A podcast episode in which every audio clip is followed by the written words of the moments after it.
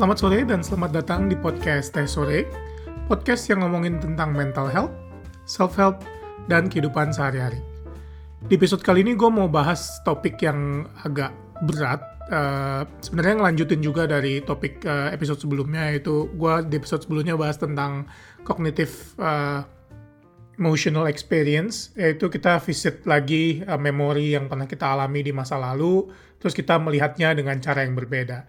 Nah, sekarang gue pengen uh, masuk ke lebih ke lebih spesifik lagi tentang trauma. Jadi kayak uh, kan gue di episode sebelumnya bahas juga uh, kayak lu bisa pakai CEE e itu buat uh, memori yang baik dan memori yang buruk. Dan salah satu memori buruk yang uh, banyak orang alami, banyak orang juga yang nggak sadar karena banyak trauma tuh yang disimpan di di di dasar alam bawah sadar seseorang itu adalah trauma. Nah, apa itu trauma sendiri? Uh, si trauma sendiri ini bisa jadi dua hal gitu. Uh, yang pertama itu trauma yang emang besar gitu. Uh, kalau di psikologi mereka nyebutnya big T trauma kayak yang uh, perang atau misalnya mengalami kekerasan atau misalnya uh, kayak prolong hospitalization ketika ketika seorang anak masih kecil. Dan gue di sini bahas trauma lebih kepada trauma masa kecil ya. Jadi ini trauma yang mungkin uh, pada saat masih kecil itu si anak uh, kita pada saat masih kecil uh, memproses trauma ini dan kemudian uh, kita bawa sampai kita dewasa gitu.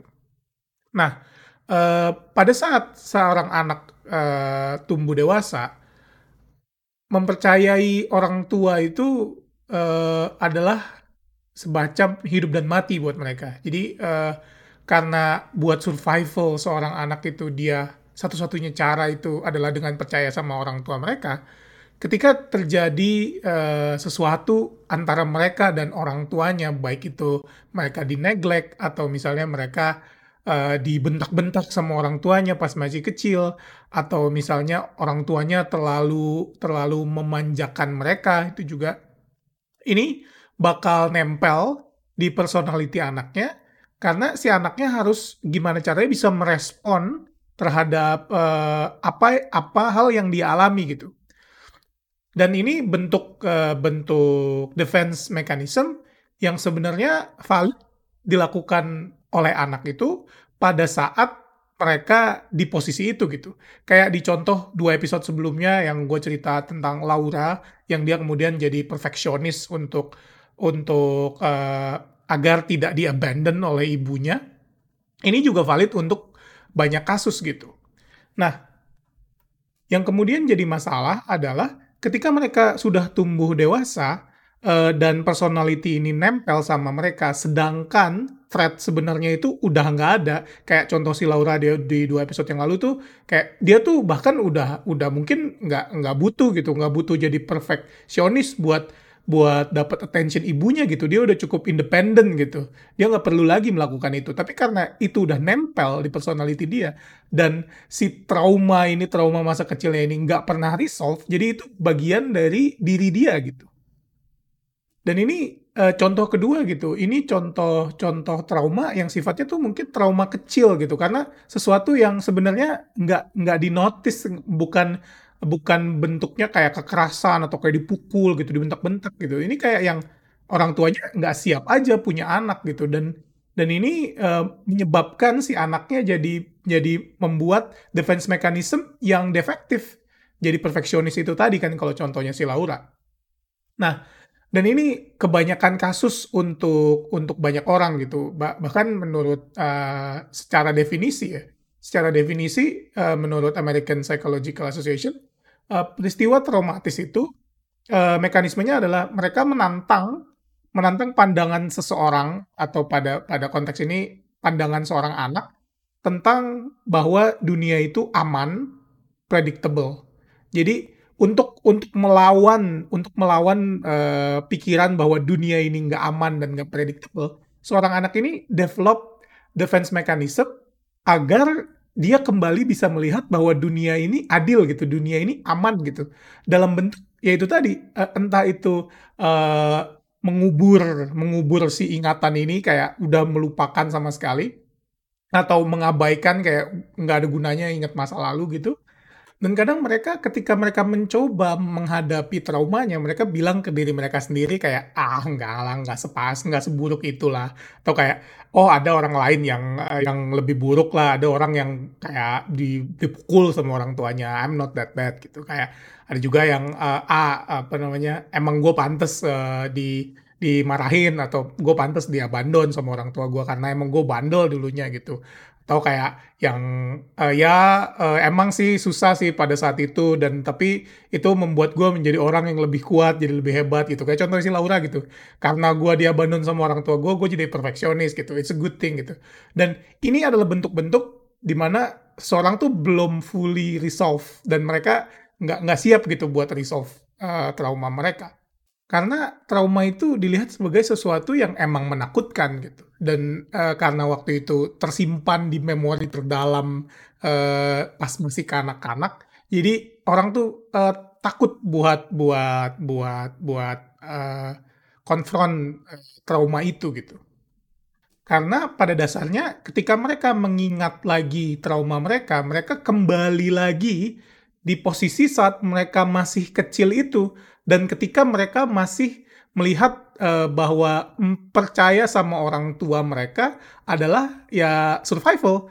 Dan jadi mereka nggak bisa ngelihat orang tua mereka da dari sisi yang fair gitu. Mereka nggak bisa melihat orang tua mereka tuh neglect mereka. Mereka nggak bisa ngelihat bahwa orang tua mereka tuh juga melakukan kesalahan gitu pada saat mereka pada saat mereka masih kecil gitu ini ada jadi ada satu cerita ya gue mau kasih satu contoh yang gue temuin di uh, ada gue lagi baca bukunya uh, David J. Wallin. Uh, ini gue udah baca dari tahun lalu tapi nggak pernah beres karena emang bentuknya kayak lebih kayak guideline atau kayak banyak story-story contoh-contoh gimana attachment attachment psychology itu dipakai di psikoterapi. Nah ini dia punya satu cerita di mana uh, intergenerational trauma itu bisa diturunkan gitu ke ke anak seseorang gitu. Ini ceritanya menarik banget soalnya kan uh, kadang tuh kita bertanya-tanya gitu kan uh, kok si anak ini punya uh, defense mechanism yang sama gitu sama orang tuanya gitu. Kenapa gitu. Nah, ini satu contohnya jadi ada pasiennya si Wallin ini uh, dia pasien lamanya gitu dan dia punya masalah uh, sama takut rumah sakit. Jadi kayak dia takut banget sama semua prosedur yang di rumah sakit. Bahkan dia pernah coba diambil uh, sampel darahnya gitu sampai teriak-teriak kejer gitu sampai harus diikat apa segala macam. Nah, kemudian datang uh, terapi akhirnya ditanya sama sama si Wallin karena Wallin kan apa emang basicnya attachment attachment psychology dia tanya kan, e, waktu lu masih kecil, yang bawa lu ke rumah sakit siapa? Nah, dijawab, nah yang uh, cerita tuh panjang lebar tuh si pasiennya. Jadi waktu dia masih kecil, yang bawa tuh ibunya ke rumah sakit. Ternyata ibunya itu juga takut rumah sakit. Alasannya adalah si ibunya, ibunya pasien, waktu umur 5 tahun, ibunya ibunya ini berarti neneknya pasien itu uh, meninggal di meja operasi. Untuk operasi untuk operasi simple lah cuma meninggal gitu. Nah waktu itu si ibunya ini ibunya pasien dititipin ke uh, sanak famili lah. Dan gak dikasih tahu gitu bahwa bahwa neneknya meninggal. Kemudian uh, tiga tahun kemudian setelah si ibunya ini umur 8 tahun bapaknya itu uh, nikah lagi kan, terus bawa ibu baru aja ke rumahnya itu uh, ke rumah mereka terus uh, dikenalin uh, sama si ibunya ini, oh ini apa ibu baru kamu gitu, udah aja. Dan si anak ini si si ibunya pasien ini nggak find out ini sampai uh, dia dewasa gitu. Pas uh, udah dewasa dia baru tahu gitu kalau ini bukan ibunya gitu. Dan dari situ si ibunya ini trauma ke rumah sakit, takut pokoknya ke rumah sakit. Dan jadi ketika bawa anaknya, si pasien ini ke rumah sakit, itu anak itu bisa nangkep gitu apa namanya uh, feeling si ibunya dan dan gimana gimana orang tua itu uh, menghadapi sesuatu si anak itu juga bakal menghadapinya dengan cara yang sama gitu. Itu karena survival instinct mereka ya harus begitu gitu. Ketika ibunya takut dengan rumah sakit, entah kenapa, si anaknya nggak tahu kenapa ibunya takut rumah sakit. Ya anaknya juga jadi takut sama rumah sakit.